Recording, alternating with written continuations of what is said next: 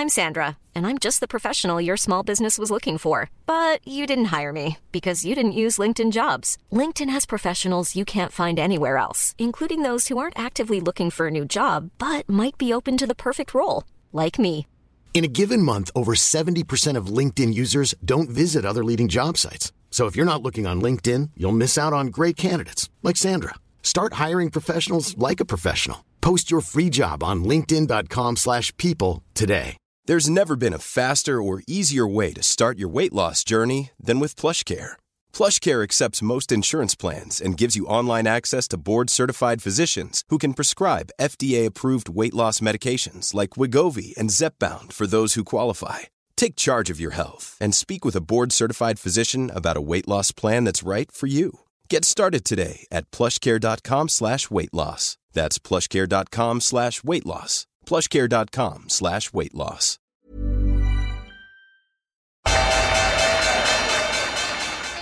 They mistook leverage for genius. Leverage for genius.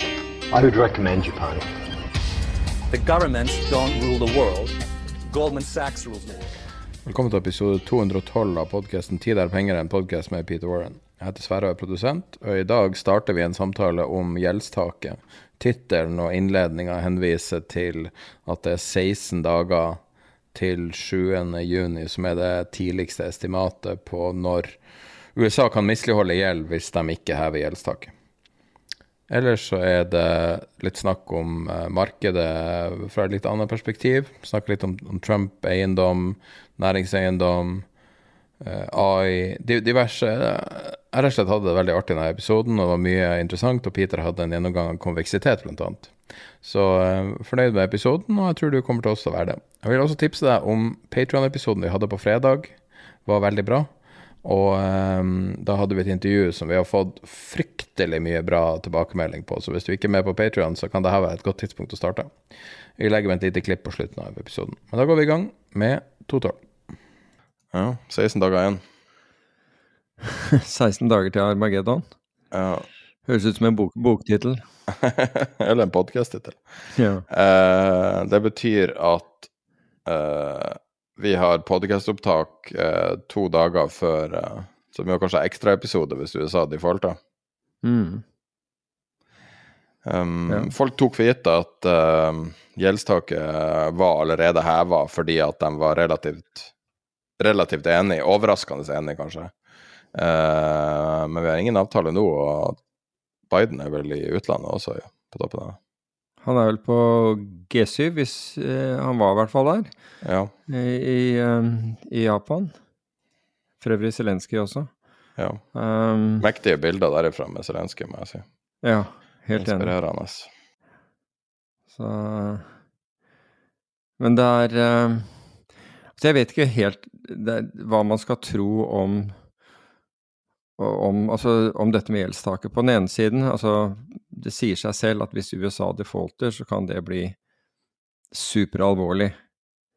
Um, CDS-markedet Priser Altså har jo Altså eh, kostnaden, altså det du må betale for kredittforsikring på amerikansk nasjonalgjeld, det som kalles credit default swap, CDS, har steget voldsomt i, i verdi.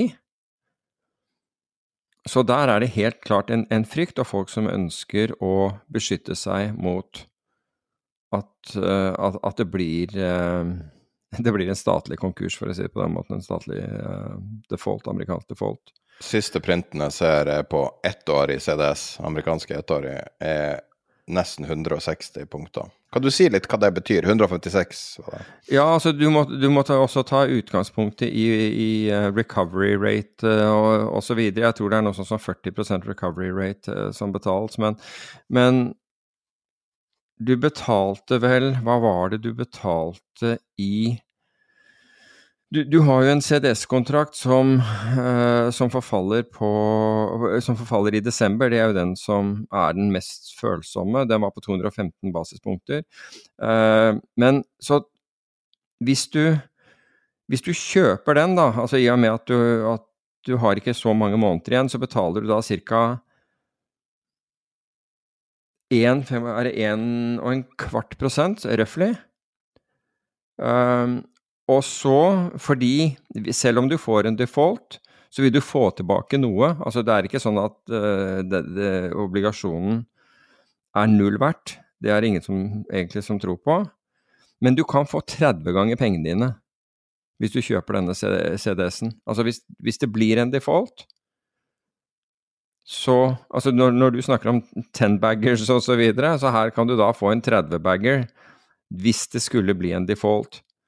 Um, men det er ikke det som først og fremst um, etter min oppfatning er, er oppsiktsvekkende, fordi det er jo helt Det er jo naturlig at når du har økende uro og frykt for uh, en default, at, at uh, prisen på konkursforsikring stiger. Det er helt naturlig. Uh, og den har steget dramatisk. Vi var inne på det, tror jeg, i forrige podkast, eller podkasten før. Da, da, så vi på hvor mye både ettåringen og femåringen hadde steget i verdi, altså femårig eh, konkursbeskyttelse, CDS. Mange som da spør om hvordan, hvordan får jeg tak i en sånn en? Og saken er at du får ikke tak i det med mindre du er en finansinstitusjon av en viss størrelse. Du må ha ISTA-avtaler med banker, for dette handles eh, direkte mot, eh, mot banker. Og da er det de store investeringsbankene i verden som stiller priser på, eh, på, på disse. Og måten de beskytter seg på, det er jo å shorte underliggende, underliggende obligasjoner. Men så du, kan, kan, shorte si underliggende obligasjoner på IG? Ja, men du, du, det som er problemet, er, er at der kan du f.eks. shorte en, en generisk tiåring.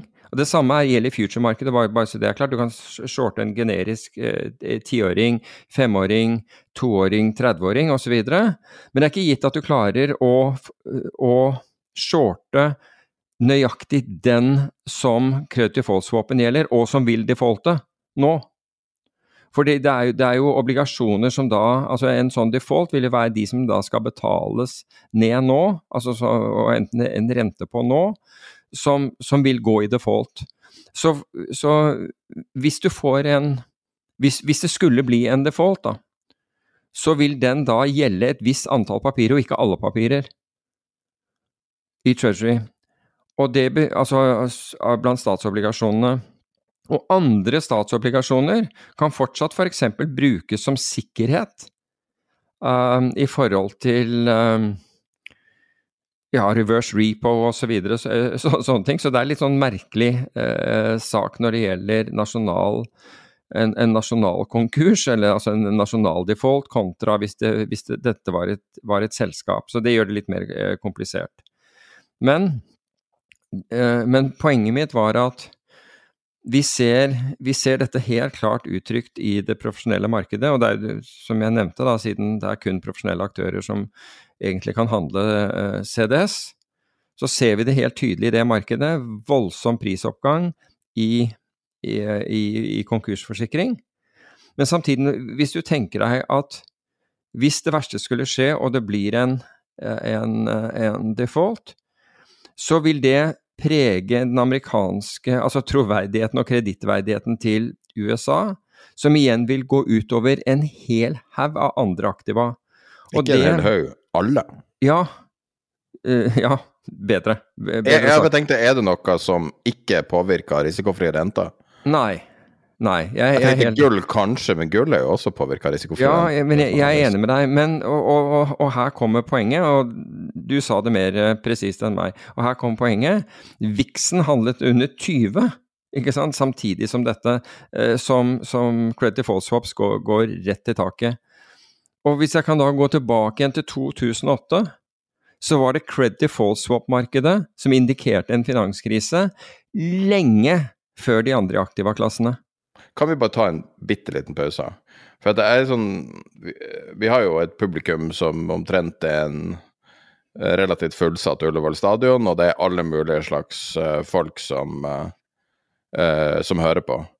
Og vi slenger rundt begreper. Og av og til så går det litt sånn varmt på begreper, mm. men jeg tror at mange har uklarheter.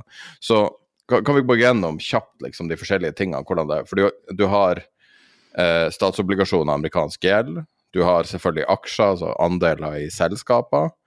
Eh, du har eh, opsjoner på eh, både Jeg tenker på ting som blir påvirka av det her. Opsjoner på både aksjer og børsnoterte fond. Du har børsnoterte fond som eier statsobligasjoner. Du har børsnoterte fond som, som er involvert i alle mulige slags, slags transaksjoner. Og så har du det proffe markedet som er da over the counter, altså markedet der du, der, der du må ha en viss si, prestisje og størrelse og penger og alt mulig for å få lov å delta, i tillegg til kontrakter. Så har du ting som CDS-er, credit default swaps.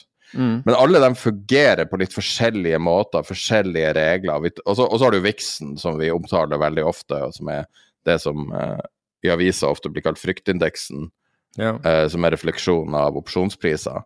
Men det er litt sånn interessant det her hvor mange forskjellige måter det er å uttrykke relativt like ting. Men at det er ikke det samme. Nei, det er ikke det samme, ikke sant. Uh, og altså Statsobligasjonene ligger helt klart på toppen av, av kredittkvalitet. Presumptivt. Amerikanske statsobligasjoner gjør det. ikke sant? Det, det, er, det er, som du var inne på, det vi forbinder med den virkelig risikofrie renten. Altså du får tilbake hovedstolen, og du får rente på den. Er Hvorfor er den risikofrie renta så viktig? Jo, fordi vi benytter den, eh, for den benyttes som en basis for alle andre påslag. F.eks. hvis du låner til bolig, så er det den risikofrie renten pluss et påslag, og det påslaget skal da egentlig eh, handle om hvor kredittverdig du er. Og, altså, det, det, er en, det, er et forhold mellom din egen eh, si inntekt, formue, og og det du har stilt til sikkerhet, med andre ord. Uh, hvis, hvis, du har lånt til eiendom, så er det sikkerheten, altså hvor mye du har, du har lånt på eiendommen, pluss hvor solid du er, som egentlig skal bestemme dette risikopåslaget. I Norge så har jeg inntrykk av at altså det der har, har, man Det har totalt sklidd ut. For de som har f.eks. lav eh, lav eh, andel lån i forhold til hva boligverdien er, får ikke noe billig, får egentlig veldig lite. Altså hvis du Det er vel Hva, er disse grensene? Er det 80% og 60 eller et eller annet sånt? som, som, man ser, eller om du, om du, har lån på mer eller mindre enn 80 av, av boligen din, det bestemmer bitte lite grann. Men la oss si at du har, lånet ditt er bare på 20% så betaler du allikevel som om du har lånt 80% Det gir ingen mening, og dette er jo fantastisk for banken, det er fantastiske inntekter. Men, er, men egentlig så, så, betaler du Altså, du betaler hvis du er veldig solid, det samme risikopåslaget som en person som da ikke Eh, som har mye mindre sikkerhet. Men helt spesifikt, da, kan vi gå på Det er artig å snakke om de spesifikke detaljene. Er det et For jeg har faktisk alltid sett et regneark til en analytiker, slo det meg. Er det faktisk et punkt som automatisk blir oppdatert på de regnearkene som sier som er utgangspunktet for alle kalkylene, som på et eller annet sted står risikofri rente der, eller er det mer implisitt? hvor direkte er det i regnearket? For de, de her regnearkene påvirker analysene, som påvirker kursmål, som påvirker alt mulig. Og ikke minst internt i selskapene om hvor mye risiko de vil ta, osv. Ja, ja. Altså, definitivt skal det, skal det, stå der. Du kan si at de har, de har, de har jo større eller mindre betydning. Altså, er det tiåringen som står da?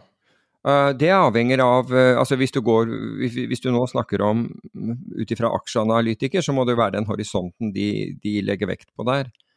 Uh, men det, det, er ikke, det, er som regel ikke Norges Banks rente hvis vi, vi, vi snakker i Norge, for det er, det er flytende renten her og nå, så de, man, man, bruker et annet mål. Ofte, ofte kan det være tiåringer, men det kan være, være kortere tid også. Men det vil jo også ha noe i forhold til er denne har denne bedriften eh, en, en høy gjeldsgrad eller ikke? Er inntektene forventet lengre frem i tid, så har du jo eh, høyere rente, det mindre vil disse inntektene være verdt i nåverdi, altså i dagens kroner og øre. Mens da vi hadde nullrente, så var det jo bortimot, eller nær null rente, så var det nesten ingen ingenting du kunne altså da, da, da, da satt du sikkert bare til null?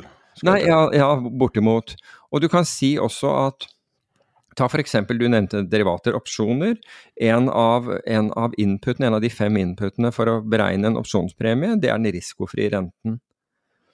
Og, og eh, skal du beregne en hvilken som helst form for arbitrasje, f.eks. at du, du, kjøper en kurv med aksjer og shorter indeksen, altså tilsvarende, så, du, så vil du bruke utgangspunktet er en risikofri rente. Men de aktørene som driver med akkurat den biten der, de er mer sofistikerte enn det, fordi de ser på om de er netto innlånere eller utlånere den, den dagen, for det faktisk betyr noe for prisingen deres. Men la oss si at du analyserer Tesla, bare et selskap som alle kjenner, alle har en mening om. Står ja. det på deres interne regneark, tror du? Står risikofri renter når de gjør en utregning for Ja, eh, hvem er det du refererer til? Tesla. Tesla selv? Ja, Tesla sjøl og Tesla for, ja, altså jeg vil, jo, jeg vil jo anta altså Tesla er så spesielt at uh, det, det Ok, men La oss ta noe mer konvensjonelt. Opp til Musk om, om, om, hva han mener om ting. Uh, men la oss ta Nike, for eksempel. Nike er et ja, sånn moderat jo, jo, risikoselskap. Jo, garantert. Garantert tar de hensyn til altså, den risikofrie renten. Altså igjen, den risikofrie renten er basisen, og så vil du legge på eller trekke fra i forhold, i, i, i forhold til den, litt avhengig av den cash-posisjonen du er i. Så de har et dynamisk felt? Jeg, jeg, men, jo, men, jo, men se på Nike. Nike skal beslutte å uh, skal, skal, ta en beslutning om å opprette en, en, uh, en fabrikk et, i en eller annen stat eller et annet land. Bangladesh, Vietnam. Ja, eller hva som helst. Selvfølgelig kommer, må, må, tar de rentene i betraktning. Fordi at the end of the day så skal den produsere en avkastning til, en positiv helst, avkastning til, til, til, til Nike. Og da må jo de bruke noe for å se om den avkastningen er forhåpentlig vesentlig bedre enn den vil være om de putter pengene i banken. For hvis den ikke er det, så putter de pengene i banken isteden. Jeg kan illustrere det her, da. Så uh, sommeren uh, eh, 2021, som uh, var den foreløpig siste bunnen Jeg til sommeren 2020, det var enda mer ekstremt. Så august 2020 så var renta på eh, amerikanske tiåringen 0,53. Altså det var null rente mm. i USA, i praksis. 0,53 er så lavt at det er null. Jeg tror ikke den renta er Jeg vet ikke om den kan gå negativ. Jeg tror ikke noen vil vite om, om det Gjorde det i andre land, men greit. Ja, Tiårig Sveits og Sverige og Negativ. um, samtidig som det skjedde, så var den indeksen som heter Moody's Season AAA Corporate Bond den grei indeks å bruke for å ta de absolutt høyeste kvalitetsselskapene som finnes. Altså, Apple sin siste gjeld er, er ikke Triple A. Så høy kvalitet er Triple A. Mm. Og da var den renta var på 2% Så da får du litt sånn inntrykk av Og den rentekurven der har fulgt eh, rentekurven til amerikanske tiåringen helt slavisk. Så nå er den på 4,75 ca. Nettopp. Um, og den eneste tingen som har endra seg for de selskapene, er risikofrie renter. Det, det, er selvfølgelig litt underliggende, men ser du på utviklinga til trippel A-indeksen, uh, der er fra, fra St. Louis Fed, så ser du at den følger den risikofrie renta slavisk. Og der ser du veldig godt effekten av den risikofrie renta. Men mm. det her er jo de superetablerte, dem som overlever en atomkrig og alt, sånne selskaper. Uh, men hva med de mindre, da? Hva med norsk, uh, en norsk pennystokk, liksom? En norsk lite selskap? Jo, men alle, alle Det kommer an på altså hvis Euronex Growth, hvor, eh, hvor, alt skulle gå mange hundre ganger, så er det klart at da var den risikofrie renten helt uinteressant for ikke sant? Det ble sikkert ikke lagt frem engang, fordi de, det er litt som dotcom-bølgen, ikke sant. Altså, det, hva skal du med den når du kommer til å tjene så sinnssykt på dette her? Altså, det er jo på en måte toppen av, en, av et bull market når, når, man tenker på den måten. Men alt annet like så vil jo den risikofrie renten danne grunnlaget for, for, for alt du skal gjøre. Er det lønnsomt eller er det ikke? Og den risikofrie renten, f.eks., sånn som du viser, at på det tidspunktet i, i 2020 så er den nede i 0, hva har du sa, 0,53? Mm.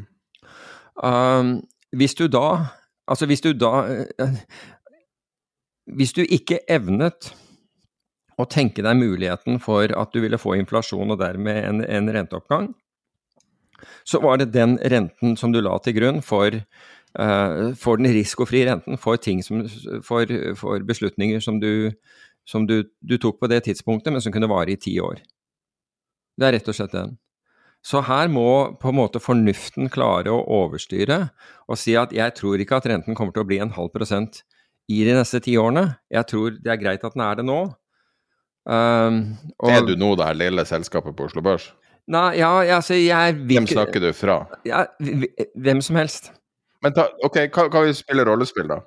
Jeg bare prøver å bryte, å bryte ned det her uh, for å få det til en Altså for å få det litt sånn håndgripelig. Hvorfor er det her så viktig? Hvorfor snakker vi så mye om det? Hvorfor er det her verdt å følge med på? Det er kosten av penger, ikke sant. Det er kost, kosten av penger, og den må tas med i betraktning. Hvorfor påvirker det krypto? Um, ja, altså Det vil jo påvirke krypto hvis det skal gjøres investeringer i annet enn krypto.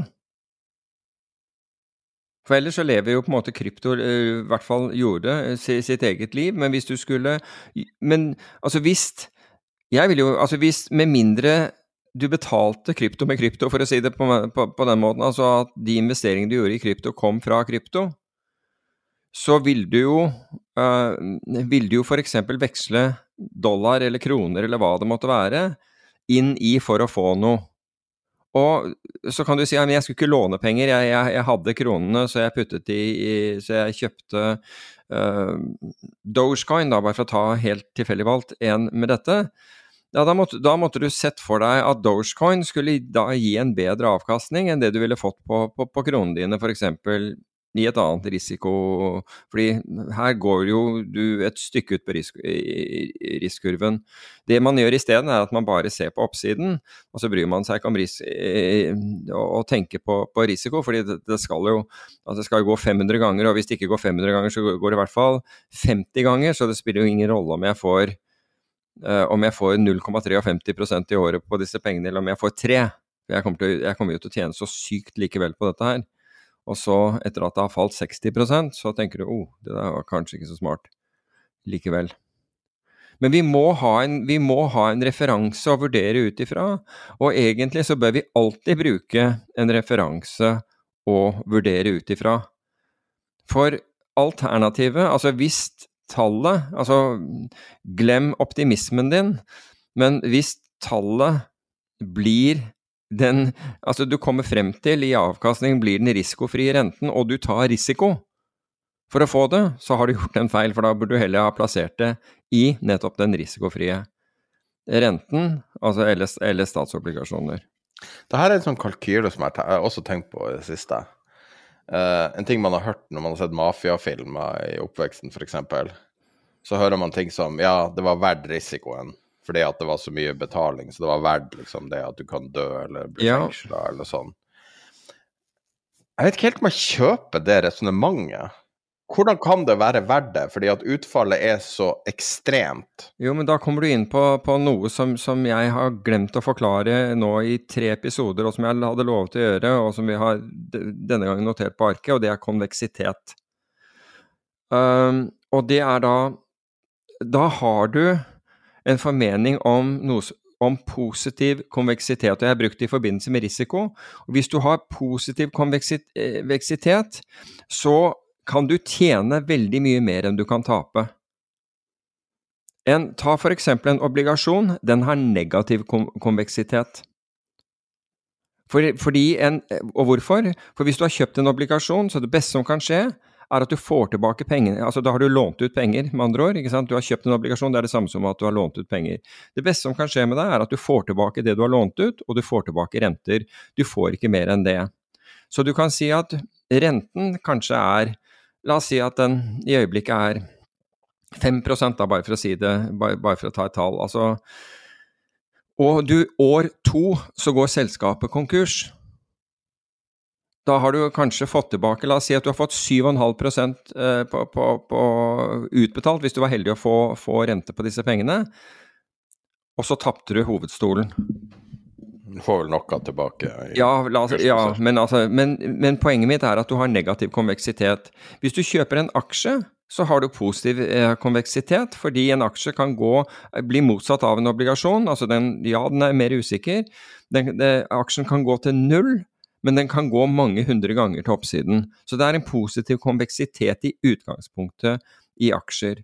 Når du kjøper opsjoner, så har, hvis du kjøper dem, du, eller gjør kombinasjoner så lenge du ikke er short, så har du positiv konveksitet. Du vil sannsynlig, eller du har muligheten, muligheten til å tjene mange ganger det du betaler i premie, men alt du kan tape er én gang den premien som du, som du har som, som, du har betalt for. Det er positiv uh, konveksitet. Har du derimot utstedt opsjoner, så kan du så vet du nøyaktig hva du kan tjene, men du kan tape uendelig mange ganger mer. Så der har du negativ konveksitet.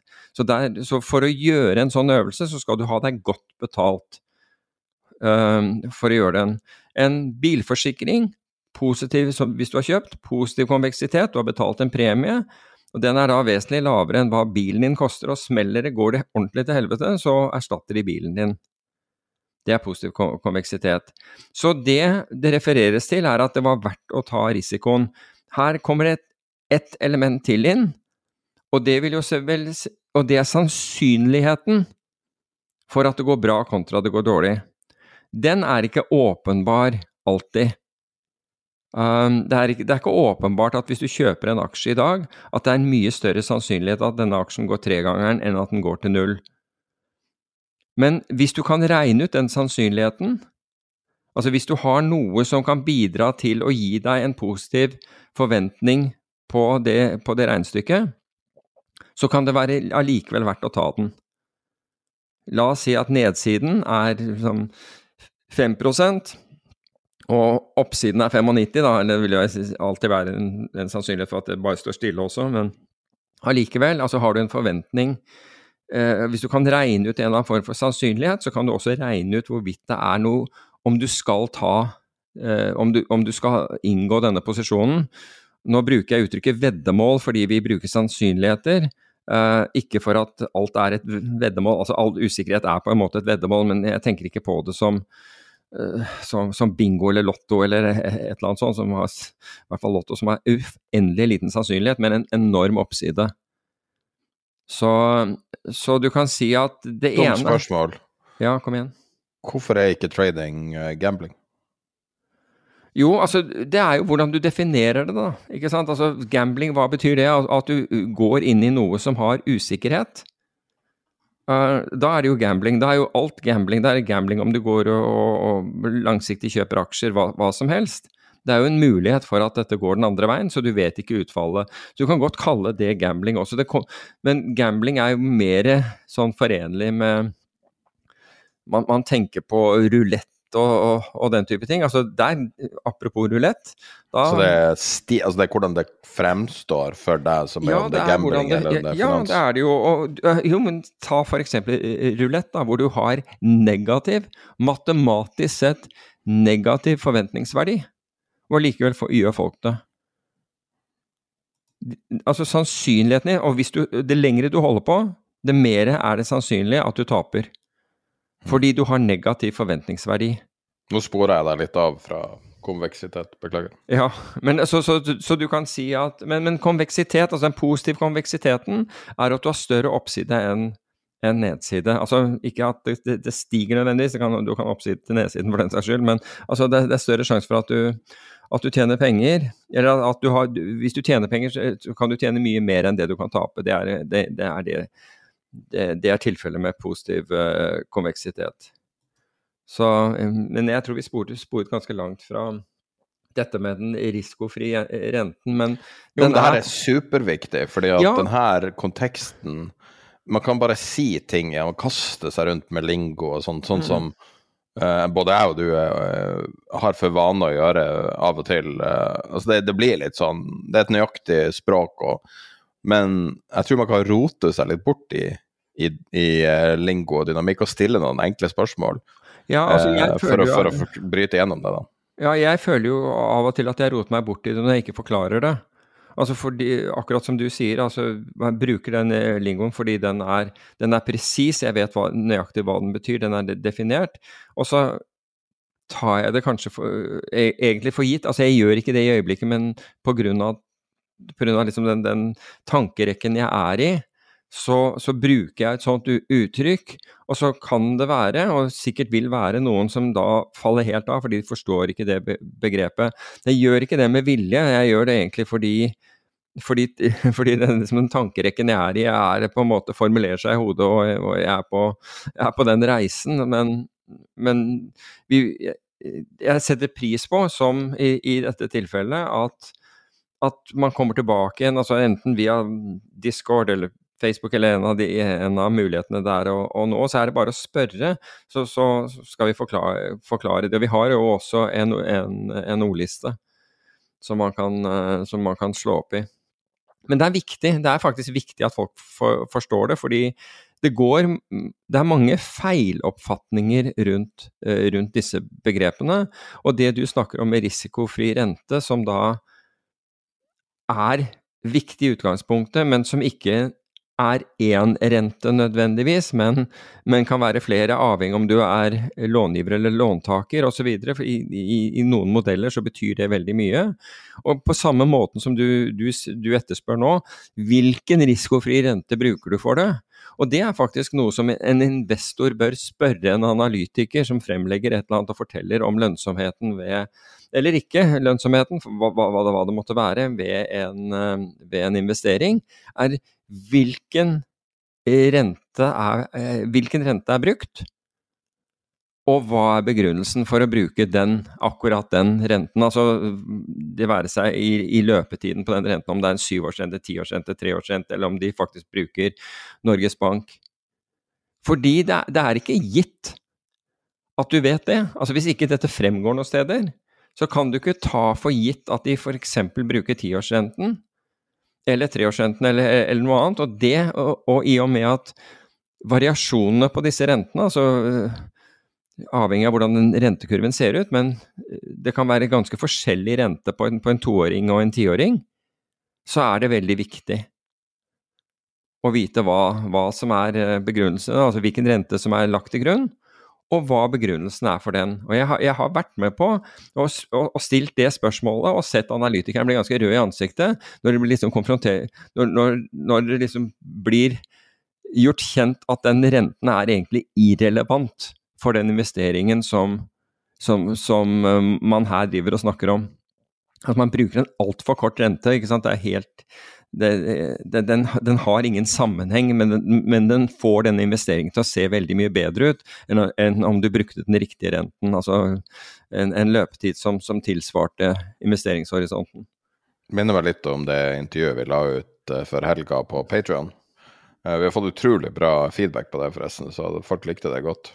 Med Rabobank-analytikere. Han, uh, han har jo snakka nettopp om at folk har en fryktelig tendens til å snakke boka si i finans. Ja, ja. Hvis det er noe som eh, øker lønna deres, så sier de det. og, og, det må du også huske. nå. Det er derfor det er så viktig å forstå de her basic reglene. Ja. Å forstå de her sammenhengene. Eh, og skjønne når noen selger deg bullshit. For det skjer hele tida. jo, men folk er alltid Altså, i, i grunnleggende så må, må, du tenke det der at hvis, hvis man Hvis man tjener på at markedet går én vei kontra en annen, så vil, være, så vil diskursen, altså det man sier, være i favør at det går den riktige veien.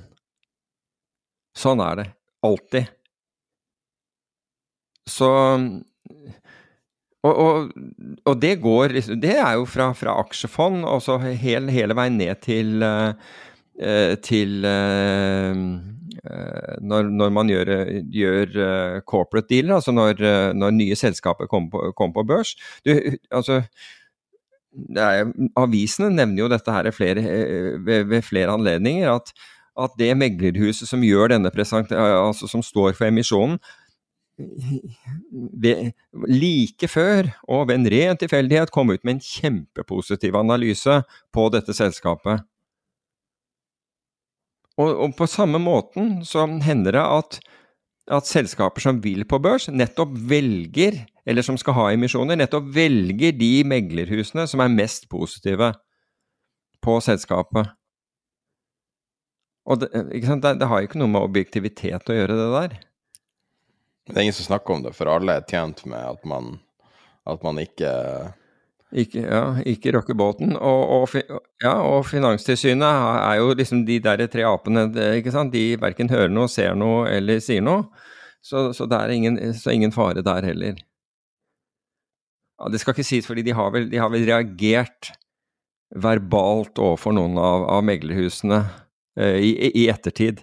Men det er bare sånn Vær så snill, ikke gjør dette så mye det er, det, er liksom, det, er en, det er, en, streng reaksjon fra, fra Finanstilsynet.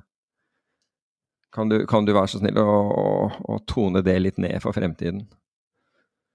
Um, og det er klart at da blir det ikke bedre heller. Da blir det, da blir det som det er. Men, men, det betyr jo at det er vanskeligere for, for investorer. Altså de profesjonelle investorene vet dette. Og de har, de har liksom forhåpentlig folk med, med gode regnkunnskaper og tilsvarende eh, integritet til å vurdere hvorvidt de skal gå inn eller ikke. Eh, men det er, det, er, det er, gjerne verre med, med, mindre investorer. Sånn er det bare. Og Det er det som er med at tingene henger sammen. Det er, det, det er, sånne sammenhenger som ikke alltid er like åpenbare. Vi har jo snakka mye om, om næringseiendom de eh, siste månedene i podkasten. Og det er sånne ting som jeg vil tro at en viss prosent av dem som hører på, aldri har reflektert over at eiendom er forskjellige ting. Altså, jeg var en av dem helt til jeg plutselig eh, ble eksponert for næringseiendom. Aldri tenkt over hva det var for noe. Aldri reflektert over at ethvert offentlig bygg er eid av en eller annen privat familie og, og, og leies av staten, eller, eller whatever. Nærings, næringseiendom i seg sjøl lever litt sitt eget liv, på en måte. Helt til noe går galt. Da begynner det å påvirke alle. Så nå uh, ser det ut som at um, episenteret av de, uh, liksom starten på at vi ser beviser på det vi vet om næringseiendom, er i San Francisco. Så uh, San Francisco er jo Jeg hadde inntrykk av at det var i Sverige en tid, men det, det er mulig at det er San Francisco ja, det, okay, det kan være i Sverige. Det er, det er, min bare fortolkning for å få det her til å passe inn. men, men, altså, det, det, for å si det sånn, det står like til, ille til i San Francisco som det gjør i Sverige, i hvert fall. Og det er kanskje litt overraskende. San Francisco um, har jo surfa fryktelig mye på Silicon Valley-bølgen, og, og um, uh, eiendomsverdiene der har jo skutt i været i, uh, i, lang, lang tid. Og naturlig nok med fallende, fallende marked i, i, Silicon Valley, så, så faller de her prisene. Nå skal det sies at det er ikke en selvfølge at det skjer prisene steg i området etter dotcom. Visste du det? Nei. Rundt der alle de selskapene er. Så det er ikke en selvfølge at selskaper går under, at næringseiendompriser eller vanlige eiendomspriser går ned. Mm. Uansett, et næringsbygg i San Francisco eh, ble eh, tvunget til en, eh, en, en ny verdsettelse.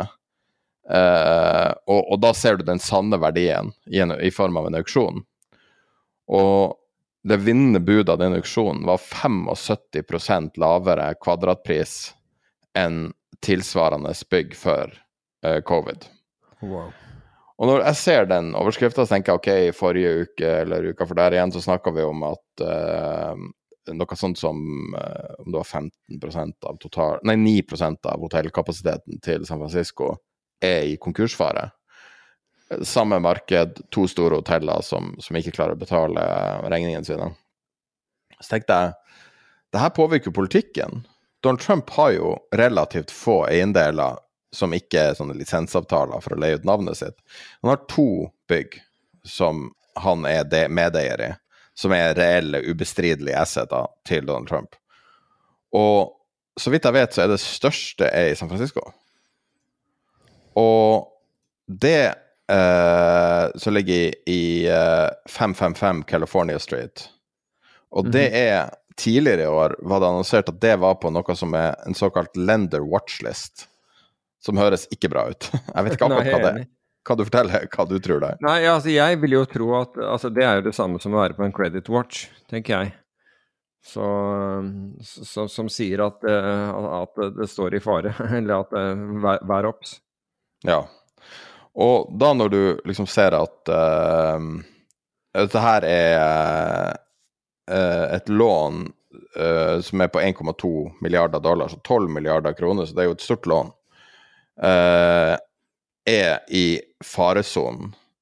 Og tenker jeg hva, hvordan eh, komplikasjoner det her kan ha for hele verden hvis Donald Trump blir tvangssolgt i et eiendom. Og det kan jo godt skje. altså Når de her hotellene ryker, så kan jo like gjerne hans bygg ryke, for alt vi vet.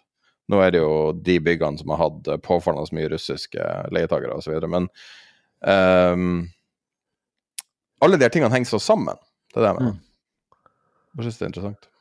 Ja, det er jo midt i, uh, midt i, uh, i San Francisco òg, det. da. Så, men jeg så det var noen andre som, som lurte på hva var det som var galt med, med, San Francisco, fordi såpass mye mange flyttet ut av det der av det, av det området. Og Miami har jo både fått, eller altså Florida men, men definitivt området rundt Miami har jo fått vanvittig innflytting både fra, eh, fra vestkysten av USA, altså nordre del av, av California, um, og, fra, og fra, fra, New York særlig, men også fra Connecticut. Og, og angivelig så skal det være en, en, en vennligere næringspolitikk og, og skatter som er, er, bak det, men jeg trodde faktisk ikke at, uh, at uh, Nord-California var så gæren på det. New York vet jeg, for jeg vet mange som, som flyttet fra New York til New Jersey, altså til Jersey City. Rett over, over, over floden, og, og, øh, og, og, flyttet den andre, eller, eller, flyttet den andre veien, altså inn i, øh, inn i Connecticut. Det var det jo veldig mange finansforetak som, som gjorde. Uh, og det, var, det, vet jeg var skatte, skattemotivert. Så men nå da med altså Nå blir jo New York rammet hardt også med denne tre dager på jobben-policyen, uh, uh, altså som både JP Morgan og, og, Goldman Sachs har prøvd det de kunne for å få slutt på, men som ikke har nyttet. Uh, noe som gjør at næringslivet, eller altså restauranter og kafeer og, og altså service industry på Manhattan har vesentlig lavere inntekter. Så my mye skjer. Ja, og ting henger sammen. Det er det jeg mener. at med Tvangssalg i San Francisco har globale politiske implikasjoner. Mm. Det er mm. det jeg mener. Ja, ja, ja. ja, ja absolutt.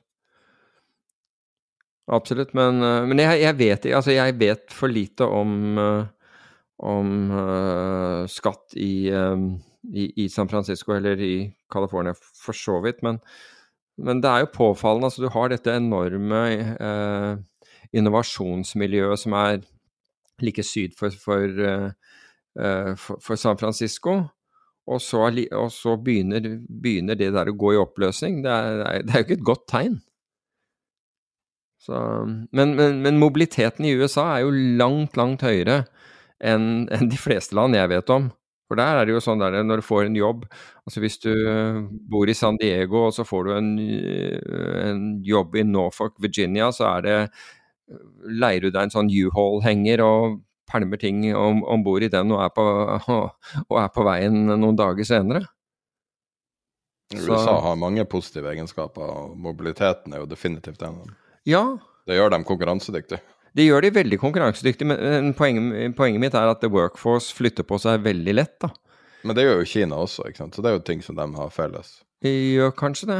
Har ikke det vært liksom innflytting til byene, tenker du da på, eller er det generelt? Det, altså, De eh, ansatte er jo veldig lite lojale til jobben i Kina. Er de? Ja, det uh, så det er jo vanlig f.eks. etter Chinese New Year at du må finne en helt ny stab. Ok. Nei, det ante jeg ikke. Har du ikke sett de der uh, på gata når de står og, og, finner jobber til legitime store firmaer, så står det en kar og roper ut, og så spør folk hvor, hvor bra er matlagingsfasiliteter og diverse, liksom. Å, nei. Nei, jeg har ikke fått det der med meg. Men det er, sånn, altså, det er en sånn open outcry, open outcry uh, jobbmarked der. Oh, ja. um, så. Du, apropos, jeg tenkte på, bare for, for ikke slippe det der med, med, med CDs og, og og, og, USA, altså ifølge DTCC-dataene, det er den som klerer eh, CDS-er eh, i USA, så er, så er det bare 5,7 milliarder dollar i, no, i, net notional utestående i, um, i sovereign debt CDS-er i USA. Altså, det, Hvor mye sa du var? 5,7 milliarder dollar. Så altså sånt, altså det er totale markedet, eller? Ja, altså, altså, utestående, da mener du totale markedsstørrelsen? Ja, altså utestående CDS-er. Altså CDS-er som kan gjøres gjeldende, da. Ja. Så det er, det er Et lite liksom- marked. Ja, det er, det er ikke et himla stort altså det, er ikke, det, er, altså det er ikke et himla stort marked. CDS-markedet er ikke det som feller dette her, for å si det på, eh, på den måten. Men det vil jo definitivt gjøre at noen kommer, eh, kommer godt ut av det. Jeg tror folk liker CDS fordi det er litt obskurt. Ja, men den derre 2050-obligasjonen, den kom jeg på. Du nevnte, var det 2020, ikke sant, med 0,53. Nå husker jeg ikke hva 2050, som, som da ville være 30-årsobligasjon. Men 394 nå. Hva sier du? 394 gilder den nå. Ja, men i tilfelle, altså den, den 2050-obligasjonen, den mener jeg handler på noen og 50. Å ja, prisen Den er utstilt på pris 100. Den, Ja. den handler nå på 55. Å, da. Ikke sant? Hvem som trodde at de her langdaterte obligasjonene skulle være god business, det fatter jeg ikke. Hva, Ja. hva er logikken med at å, å låse opp penger i 100 år? Svaret, på- svaret på det er Silicon Valley Bank og en del andre banker i USA som da kjøpte Var det de, det altså- de hadde? Oh my God. Nei, vet, nei, de hadde MBS også. Uh, så de hadde forskjellige ting. Men MBS er da med gjeld, som sier Altså ja, eh, boliglånsobligasjoner. Så, men det, alt det har Fed vært villig til å ta imot, da. Så, så du kan si at jeg Jeg, jeg syns jeg hadde overdrevet når jeg sa at liksom, hvis den var verdt 60 cent på dollaren, så fikk du låne allikevel låne en dollar, men nå viste det seg at den Altså den ene obligasjonen faktisk handler under, den handler på 55. Så da, da Den er verdt 55 cent, men du får, men du får, låne, du, du får låne 100. Det er ikke akkurat sånn når det gjelder boligmarkedet, gitt. Klin motsatt. Men, eh, men, men. Jeg bare tenkte å, å nevne det mens vi, eh, mens vi eh, akkurat hadde vært på, vært på tema. Vi har opplevd noe nytt uh, nå siste tida, som vi egentlig aldri har måttet forholde oss til. Uh, så Norge, altså Norges Bank og, og oljefondet er jo veldig flinke til å annonsere verdien av fondet til enhver tid. De har jo bygd ei fantastisk side som er nbim.no. Hvis du går inn på nbim.no nå, så ser du at, uh, at big, big, Bigfig, er ikke det det man kaller det? Det store, det store tallet Ja. uh, er nå 15. ja. Det ble det vel for noen dager siden, tror jeg. Ja, så de har passert uh, eh, den milepælen. Og det høres jo i utgangspunktet veldig positivt ut. da. Så Hvis du går inn på oljefondet, så ser du uh, når du nominerer det i andre valuta Historisk sett så har det vært det samme. Oljefondet har Selve kurven har sett veldig lik ut Mm. i gamle dager og, og nå, da. Men denne gangen er det litt annerledes. Så vi la ut, og skal bare finne fram, jeg tror vi la den ut på Twitter, eh, en eh, kurve som var dominert i dollar i stedet for i kroner. Og da ser du at fondet faller i verdi. Og da eh, er det da et tilbakevendende tema som, som, som dukker opp, da.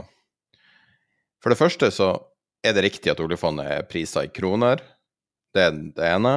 Og det andre er er det uheldig dobbeltrolle at styrelederen eh, for oljefondet også er sentralbanksjef samtidig, ettersom at krona har en så stor faktor at det kan vende en nedtur til en opptur for oljefondet. Mm. Hva du syns Ja og nei. Eh, Altså, jeg har ikke noe problem Altså, ja, jeg, jeg, jeg syns det er riktig at det er i, um, i dollar, fordi det ble en be, Det ble gjort et bevisst valg at pengene skulle uh, At man skulle spre risikoen på, på, um, på Altså bru- diversifisere porteføljen med å plassere det i utenlandsk uh, valuta. Så jeg syns det, det er riktig altså at man, skulle da man, altså Det heter Statens pensjonsfond utland. Med andre ord, de kjøper utenlandske verdipapirer, og de skulle da beholde dem i de lokale valutaene for å, for å øke diversifiseringen. Og det, synes, og det mener jeg har vært ekstremt vellykket. Når det gjelder det nummer to, at styreformannen, som er da sentralbanksjef Altså jeg styrekvinnen i dette tilfellet, som er um, jeg har ikke. Hva sier du? Styreleder heter det, unnskyld. Eh, jeg har ikke noe problem med det. Altså, jeg tror ikke at det påvirker, eh, påvirker beslutningene, fordi den opprinnelige beslutningen har vis, vist seg å virke, og den virker godt. Men jeg, jeg har litt problemer med å skjønne at fondet er ned, i og med at verdensindeksen er opp. Og verdensindeksen er vel opp ca. 14 eh, hvis du måler den mot norske kroner. Altså, jeg bruker deres egen data, og den er da fordelt ja, på men, år. Men, men, det er 2022, da. Ja, og, ja, fra 2022, ja. Fra 2021 til 2022 dippa det i dollar. Mens i krone steg det. Ja, ja, ok, sånn ja. Ja, Det, det har nok med at uh, Altså, i fjoråret var jo, var jo, markedet ned, så det er ingen tvil om det. Men i fjoråret så falt jo hvis du hadde Hvis du eide verdensindeksen i Som da er stort sett eh, dollar, så du Altså så var tapet ditt mindre enn om du hadde en som var hedget til norske kroner. Hvis du ser på KLP, de, de tilbyr begge deler. Og der, hvis jeg ikke tar helt feil, så er det, og det, det skal det være, ca. 5-6% forskjell mellom avkastningen, den ikke-hedgede, altså den som er i, i utenlandsk valuta, altså den, den, som ikke hedger til norske kroner, og den som hedger til norske kroner. Og da tipper jeg at den, den, den, eh, andre, er, altså den som ikke er hedget, viser en oppgang på 14% i år, mens den andre da uh, er ca. 9 uh, og, og det, det, er forskjellen i uh, Så jeg, syn, jeg, har, jeg, har, ikke noe problem med dette, for dette her er ikke en sånn der sak som du gjorde i desperasjon da alt var gærent. Dette gjorde du i en periode hvor, som er den optimale periode å bestemme investeringsfilosofier, det var at her skulle man ha Norge skulle diversifisere ut av olje, og ikke være så avhengig av det som skjedde verken med oljepris eller, eh, eller mengde, over i verdipapirer. Og plassere disse i utlandet rett og slett pga. mengden av, av, penger. Og da fikk du diversifisering over land, men også over, over, øh, over valutaer. Jeg, Men det var ikke det som på en måte var problemstillinga? Uh, ikke, ikke, oljefondet Jeg mener dobbeltrollen Jeg sier ikke at, at, hun gjør noe galt, det, det er ikke det. Jeg bare presiserer det. Ja, men jeg, jeg føler ikke at det er en dobbeltrolle i og, med, i og med at dette mandatet er så tydelig og klart. Ja, men det jeg bare lurer på, er?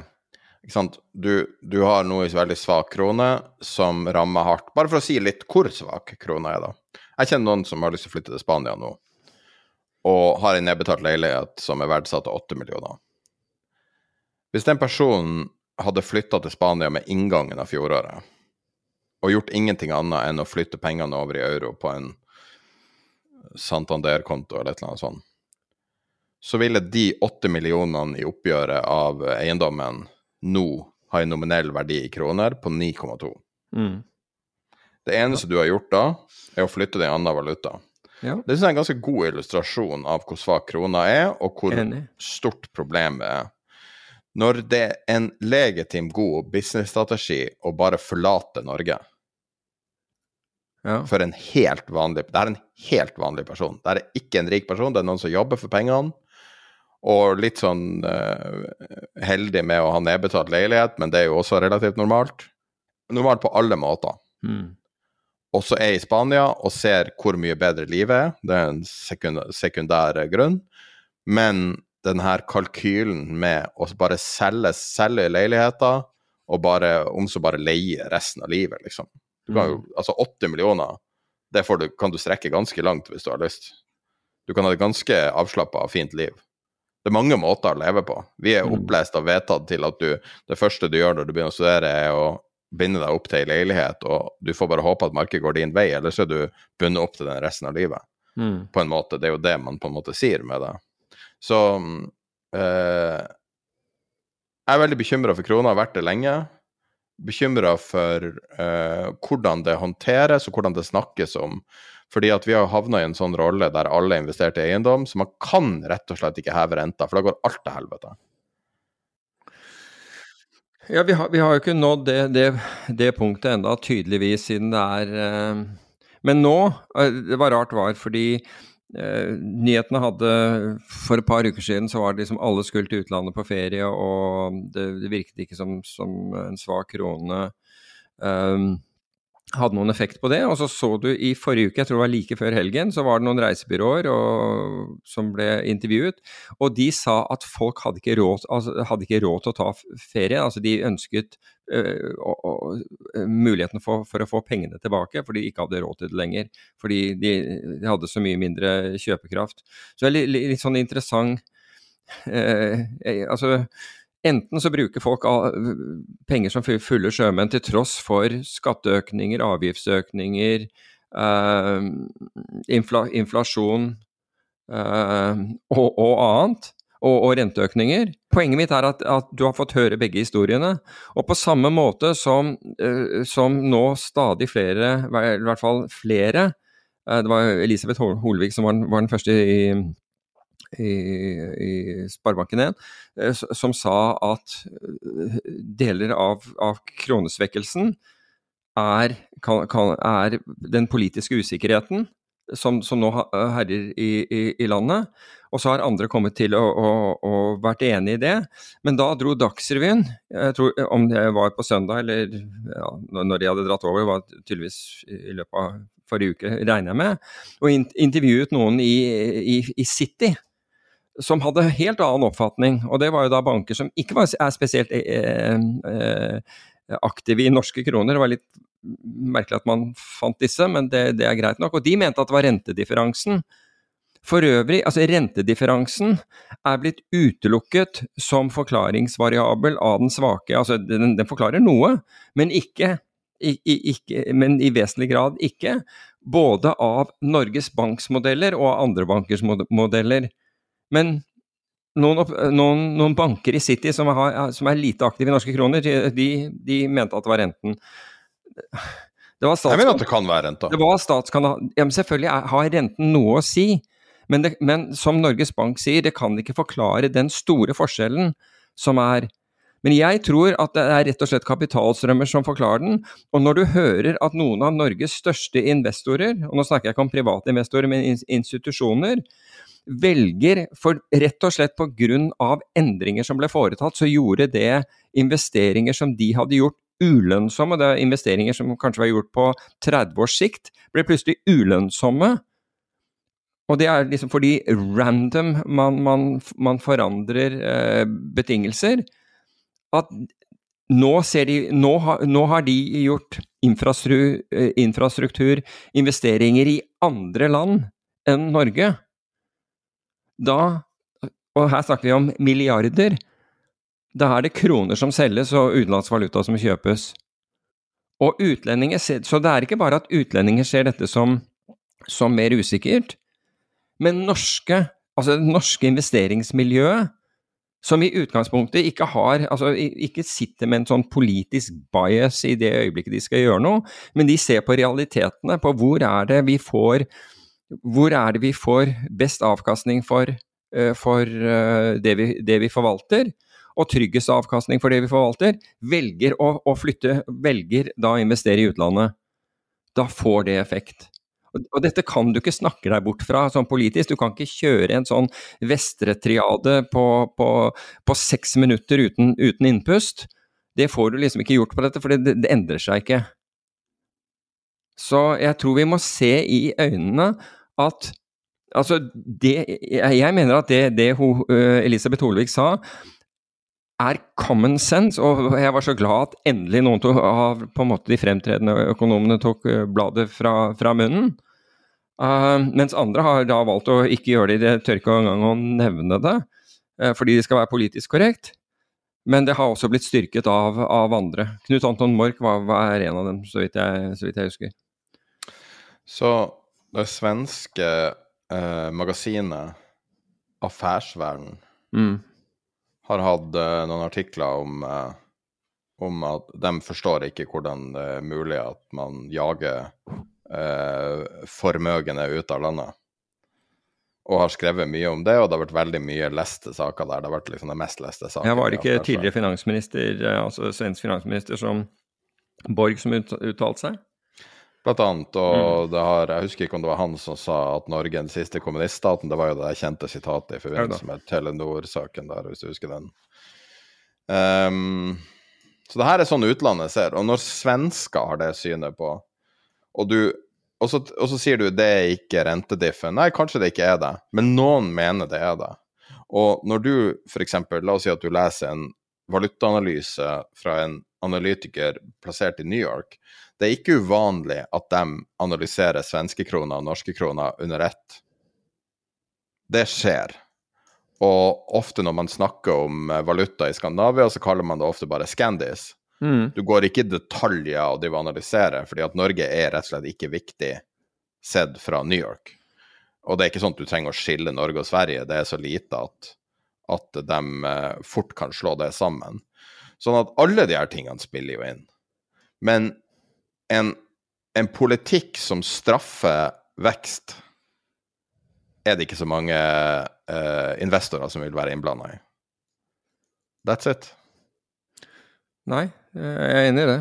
Um, jeg tror, men, men, men når, når man ikke vil ta det inn over seg, så hjelper det på, på en måte ikke, og da kommer vi ikke ut av liksom det, dette her eh, dette uføret heller. ikke sant? Det, er- det, er- Jeg tror det er oljefondet er golden handcuffs også. Men Jeg når, ja, ja, ja, på en for måte. Men det er klart at når svenskene kommer over til, til Norge for å, kjøpe, for å kjøpe øl, da begynner da, okay, det tror jeg. Jeg tror ikke vi er helt der ennå. Men eh, Men det er, ikke, det er ikke lenge før når det liksom kom og nå dra, ja, men Du så alle de der som var, var i var, Det var jo folk som Hvor var det? Til og med fra Australia. Som var, eh, som var intervjuet på nyhetene. Det tror jeg nå også var nå i helgen. Som, altså Turister syntes det var fantastisk, det var blitt så billig i Norge. Når, noen, når, noen ganger har du hørt den, da? Norge Nei, Norge blir Europas Thailand, liksom. Ikke sant, ja. Så det er ja, det er, det er bra, ikke sant. Når, når du reverserer den svenske handelen, ikke sant. Nå er det ikke der, hva er det heter, Norbymarknaden eller eh, et eller annet sånt, er det ikke det det heter på den andre siden av grensen? Nordby, vi skal jo dit på roadtrip. Vi skal dit, på- ja, men vi, må, vi kan ikke dra dit på ikke sant? Vi Men det blir jo sånn at det vil gå ut på dato, det her. Problemet er at det er kø for å komme tilbake. Det er litt som på grensen der nede ved, mellom San Diego og Tijuana. ikke sant? Det er, lett å kjøre, det er lett å kjøre ut av USA, men det er et helvete å komme tilbake inn igjen. ikke sant? Sånn kommer det til å være her òg. Og det er, svensker, det er svensker som skal på harryhandel til Norge. Jeg kom til å tenke på det sitatet som vi snakka om. eh, Det var et sitat jeg hadde hørt så vidt, og så bare googla litt rundt og fant, fant liksom originale kilden til akkurat det. Det var grunnleggeren av Dubai, sjeik Rashid, som Ja. eh, ble spurt om framtida til landet sitt, og så sa han My grandfather rode a camel, my father rode a camel, I ride a Mercedes, my son rides a Land Rover, and my grandson is going to ride a Land Rover, but my great grandson is going to have to ride a camel again. Og så svarte han påfølgende da Hard times create hard men, strong men, strong men create easy times, easy times create weak men, weak men create difficult times. Uh, many will not understand this, but you have to raise warriors, not parasites. Ja. Og mitt spørsmål til deg før du sier noe, hvordan ville du ha sagt det her om Norge? Norge og Dubai er ganske lik situasjon, egentlig. Jeg syns Jeg synes jeg, For å være helt ærlig, så syns jeg at jeg allerede har sagt det et antall ganger. Og det er at denne regjeringen ble, ble, ble, ble, satt sammen som en sånn godværsregjering. Alt gikk i Norges favør. Ting var så, så stort sett bra ut. Og så formet man en regjering, og så fikk man absolutt Altså, det var ikke altså, Så kom så kom Ukraina, og, og så kom utfordringene. Men du hadde, altså du hadde et mannskap som var, var forberedt for, eh, for uh, solskinn og, og, og smulseilas. Og så gjorde man ikke om på det, man bare fortsatte, fortsatte med det. Vi har stor offentlig sektor, men det er en del av offentlig sektor som ikke er så stor, og det er militæret. Ja. Det er en ting som Dubai har satsa mer på, tror jeg. Ja, jeg tror nok at under eh, Altså nå er det jo begrenset hvor mye Eirik Kristoffersen kan, kan eh, gjøre med det, selvfølgelig, annet enn å innstille. Men jeg tror nok at, eh, at den situasjonen som verden befinner seg i, den, den tror jeg både politisk og militært er, er man enige om at man trenger å styrke, styrke Forsvaret og, og de kapasitetene man, man har. Så Det er litt pinlig at Norge ikke er på 2% når man lett med et pennestrøk kunne vært der. Og du er med i Nato, så skal liksom USA ta hele regninga hele tida. Jeg skjønner irritasjonen med det. Selvfølgelig. Ja, ja. Vi surfer jo bare på deres bølge. Vi tar jo ikke det eneste valg før de har gjort noe. Men, Da har det jo sett med Ukraina. Vi har jo ikke vært ledende på noen måte. Men du, kan, kan, siden vi først er inne på politikk, kan jeg bare være litt politisk, for dette her går og, og murrer hos meg? Eh, og, og det ene, den, den ene er, eh, er, er justisminister Mehl. Jeg er stor fan av alt, det- alt det der. Men i den der greia oppe i Kongsberg, som, altså hvor, man, hvor man hadde henlagt 23 saker 27, var det ikke? Nei, 23 mot Det kan godt, godt hende at det Jeg hørte de første to episodene. Det var så deprimerende, så jeg klarte faktisk ikke å høre det. Ikke sant? Mot, mot denne politimannen. Det, den er det ene. Og så har du den andre saken, altså den der voldssaken som da ble filmet, hvor, hvor politiet forsøker å slette, og hvor liksom politiet der oppe gjør minimalt i forhold til, til, til, til etterforskning og, og, og, og, grep. Det, jeg, det er mulig at jeg, Nå må jeg ærlig innrømme, jeg leser ikke Boulevardpressen, så det, jeg kan ha gått glipp av det. Men jeg har ikke sett justisministeren bli konfrontert med det og sagt liksom, hva har dere tenkt å gjøre med dette her? For dette er grunnleggende for samfunnet og, og samfunnssikkerhet, og den tryggheten som folk skal ha overfor hvordan politiet opptrer. Og så allikevel så har det ikke vært noe uh, fra henne, det syns, det syns jeg er rart. Og så har den andre, og igjen, er- jeg eh, har, har respekt og er fan, altså Tonje Brenna, jeg tror hun kan, være en utmerket minister, men eh, undervisningsminister, men i, i det momentet så er det nå mer og mer hvor, hvor russen har disse herre Kategoriserer da eh, elever. Altså hvis, hvis samfunnet skal være helt likt og så likt at det er, det er ikke at, at ingen skal kunne hevde seg liksom under, under sosialdemokratiet, sikkert greit. Men når det gjelder skoleelever, så skal du ha A-, B- og C-kategori busser, og de, og, og de Det er vel veldig uformelt, da. Jeg, jeg du, det er uformelt. Altså, hvorfor Men greia er, dette her har jo bare utviklet seg over tid. Altså dette med, dette med Hva heter ut, utenfor Utenforskap? Nei, det heter noe lignende. Altså hvor folk som står utenfor, og, og blir da ansett som uh, mindreverdige i, i, i forhold til andre. Dette bare øker i trykk på deres vakt. Og så sier visst angivelig Tonje, Tonje Brenna at dette, dette vil hun overlate til, til kommunene å, å, å styre, istedenfor å, å si dette her er feil.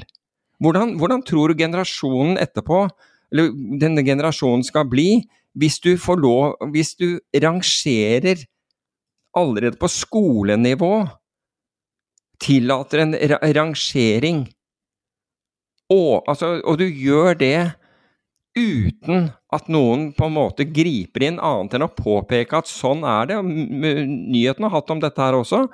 Påpeker at, at, slik er det nå. Og så er det ingen som griper inn og sier dette her er spennende vilt. Dette, hadde det vært voksne personer, så hadde du grepet inn med en gang.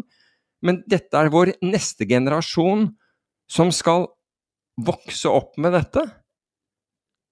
Nei, virkelig. Altså, og dette skjer under sosialdemokratiet. Makes no sense.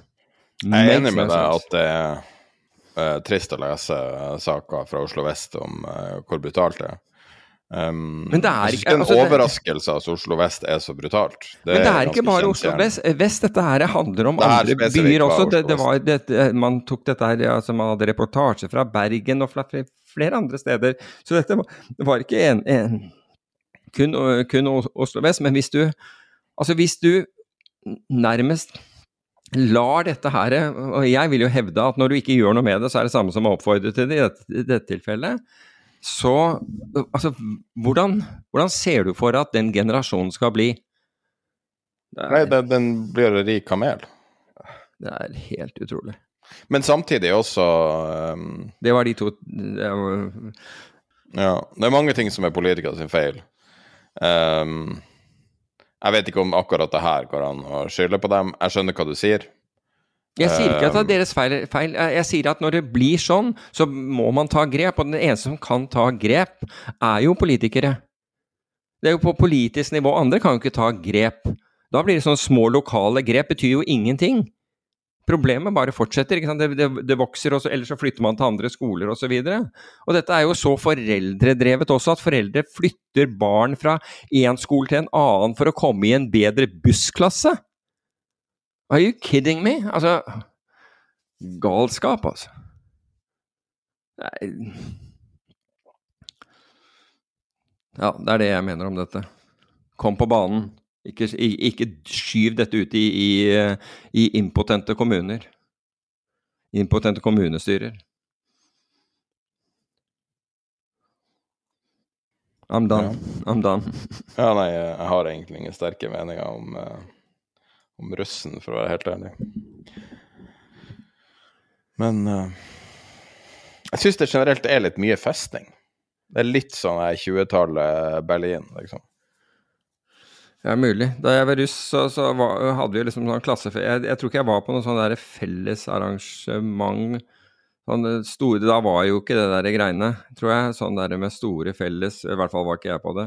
Jeg vet det var noen som dro til, til Spania på uh, på, på, på, russetur. Uh, endte dessverre tragisk, men, uh, men jeg Det var en trafikkulykke. som men, uh, men, jeg hadde ikke råd til å, til å, dra på det. Og det var ikke det at jeg, jeg syntes at det var, var, var, kjempesynd eh, heller. Altså, det var ikke sånn at jeg følte at uh, utenforskap liksom, fordi jeg ikke hadde, hadde vært på, på, det. Men det var vel det eneste liksom, som gikk på om du hadde nok penger til å, til, til å dra på, på, noe sånt noe. Skal vi snakke litt om finans? La oss prøve det. La oss prøve det temaet også. Vi har jo snakka mye om uh, oppstartsfirma de siste årene, og, og verdi, verdiforringelse vi antok hadde skjedd. Mm. Veldig lite data å basere oss på, eh, med mindre noen hadde en nedrunde eller noe sånt. Så vet man ikke hvor mye verdier som er tapt. Uh, det har vært noen bokføringer. Tiger hadde bokføringer der de skrev ned verdiene 50-60 Lignende Vet du hva det siste er der? nei det er at de legger ut eh, De auksjonerer ut eh, en del av porteføljen sin. Ja. Og det er, Firesale, da. Hva sier du? Firesale. Nei, altså de vil bare, bare, prøve det nå. Jeg tror det har med at, at uh, Hva heter det for noe? Altså emisjon, emisjonene er, er, er opp femgangeren fra i fjor, altså i volum, allerede i år. Og derfor så uh... Ja, i volum, ja. Men da kan jeg si litt om hva ja, ja. man kan forvente av pris. Ja. Fordi at vi har fått litt tall fra Morgan Stanley. Og de har uh, brukt uh, Nå har jeg ikke sjekka hva Sanbato er, som er deres kilde igjen. Skal vi se hva San... Ja, det er en um, en sånn research, research-system for for private, altså unoterte selskaper. Så det er en god kilde, ser det ut som. Og hvis du tar utgangspunktet i uh, desember 2021, når markedet toppa ut som 100, så er verdifallet for krypto og fintech en 80 og for uh, AI og maskinlæring, uh, sikkerhet og generelt indeksen er ned sånn roughly 60 så da vet vi omtrent hva tapene er. Og det ja. er more or Ja, det er, det er faktisk Jeg eh, har ikke sjekka Nasdaq. Nasdaq har jo kommet seg en god del tilbake. Så det, det er akkurat så ille som alle trodde det var, men nå har vi tallene. Ja, Nasdaq har henta inn mye av det tapte, så ja, ja, det har ikke det private markedet gjort. Nei, øh, men Uh, når, når, du sier det, altså Nasdaq er opp ca. 26 er det ikke det i år? Men så har Nasdaq altså Det er jo et fåtall selskap. Derfor også er Nasdaq mye mindre volatil, altså selve indeksen. For det er et, kun et fåtall selskaper uh, som har dratt den, de, den oppgangen. Den er ned 14% i samme periode. Så det viser jo igjen det der 26 eh, opp i år, var det jeg Ja, jeg tar bare fra akkurat samme periode som oh, ja, sånn, ja. sånn, ja. Um, så den har uh, tatt igjen ca. halvparten av fallet. Mm. Um, mens vi ser ingen opptikk i, uh, i det private markedet. Nei, det, det som er å, å opptikket for, for, så vidt, da, det og, og, som kommer til å, å, være interessant å følge, og som, er, som henger sammen med det du, du, snakker om, det er jo dette at um, Tiger Global skal auksjonere bort en del, altså auksjonere ut. Så nå er det investeringsbanker som, som finner bids for, for, porteføljen, det kommer til å fortelle eh, en um, Det er price discovery. Ja, det kommer til å gi en, en og, og, du kan liksom ikke komme unna den price discoveryen altså etterpå. altså Selv om det er en, en del av porteføljen som man gjør dette med, så kan du ikke etterpå si at ja, men nei, uh, hvis vi hadde gjort sånn og sånn, så hadde det vært en helt annen pris. Nå, nå, nå tester de det vannet, og det gjør de i en periode hvor, hvor, hvor interessen i hvert fall for å, for å kjøpe, altså på de nivåene som er, da, ehm, eh, er, er fem ganger det, det, den var i fjor. Og, og, vi ser jo også at um, altså Softbank Jeg mener at de, de solgte vel nå til uh, Solgte en, del gjeld til, uh, til Abu Dhabi, altså Abu Dhabis oljefond, Mudabala. Så, så, du kan si at det begynner å bli bevegelse i det markedet som gjør at man kan, at man kan igjen begynne å regne på ting, da.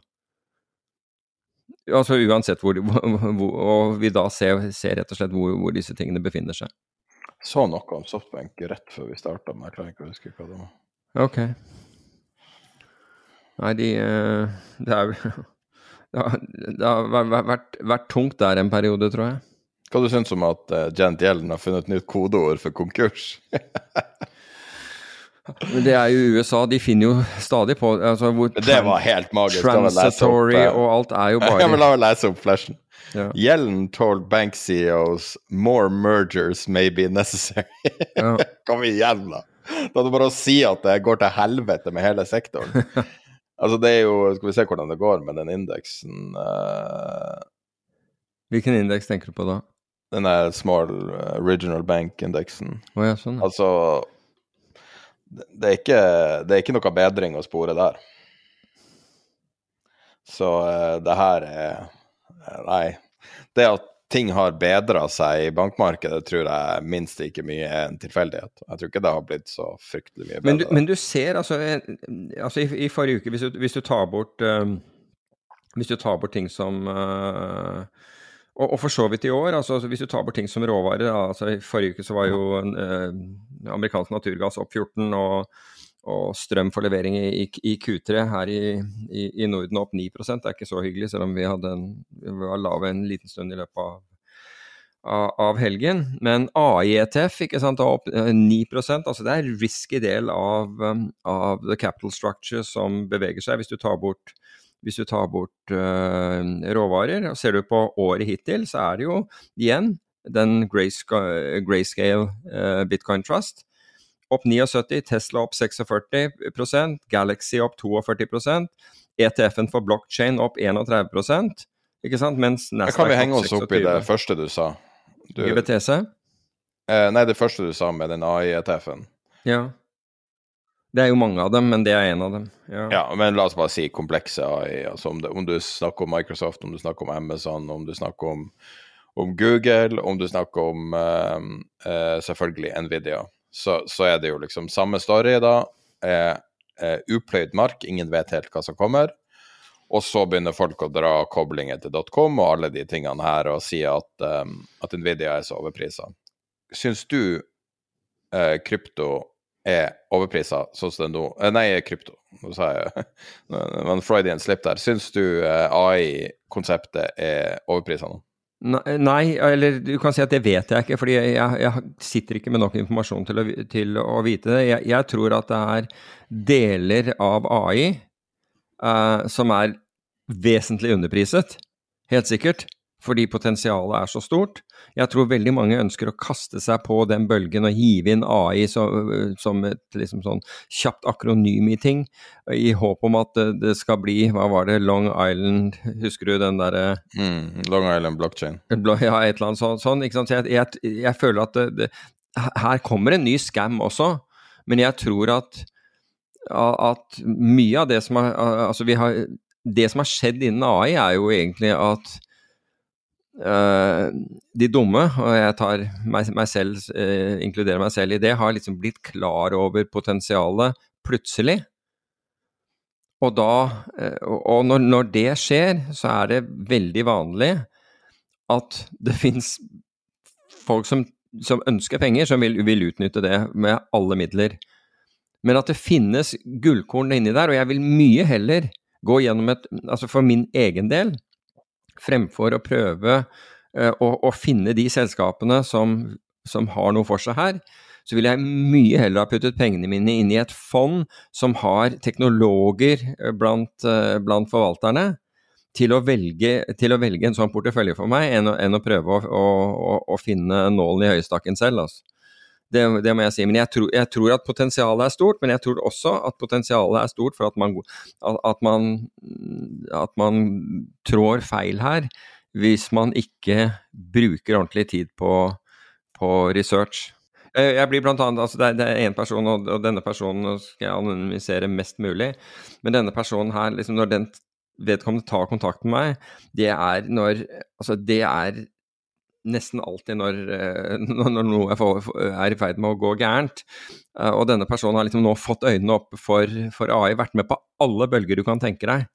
Eh, og nå, fått, liksom, nå er AI må, må, bare inn, og kan ikke noe om det og har ikke tenkt å bruke noe tid på det. Og, og jeg foreslår også der at kanskje man skulle, skulle, forsøke å gjøre dette via, via noe fond eller et eller annet sånt, men der, nei, tror, tror selv på en evne til å plukke, plukke vinneren, til tross for at vedkommende ikke har klart å plukke en vinner i en sektor ever.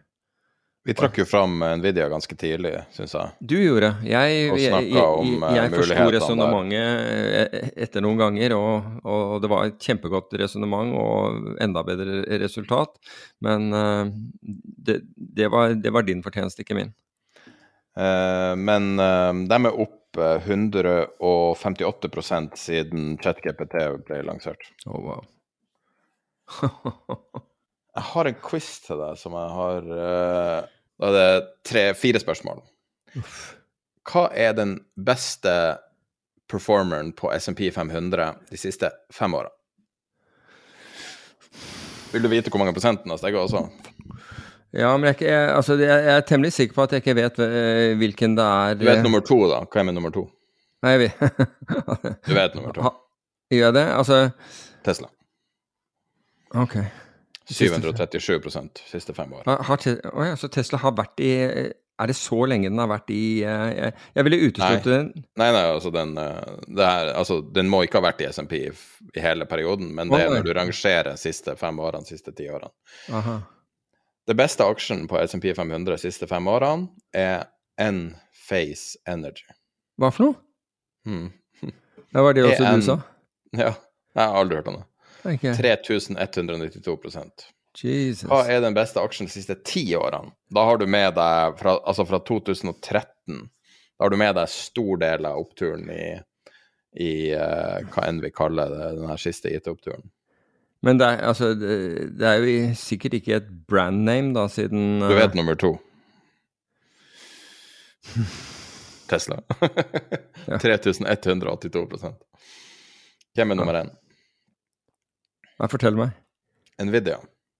Oh, wow. 8289 oh, siste ti åra. Nvidia klarte jo det kunststykket av å først ha det her eh, spillmarkedet som var veldig lukrativt for dem.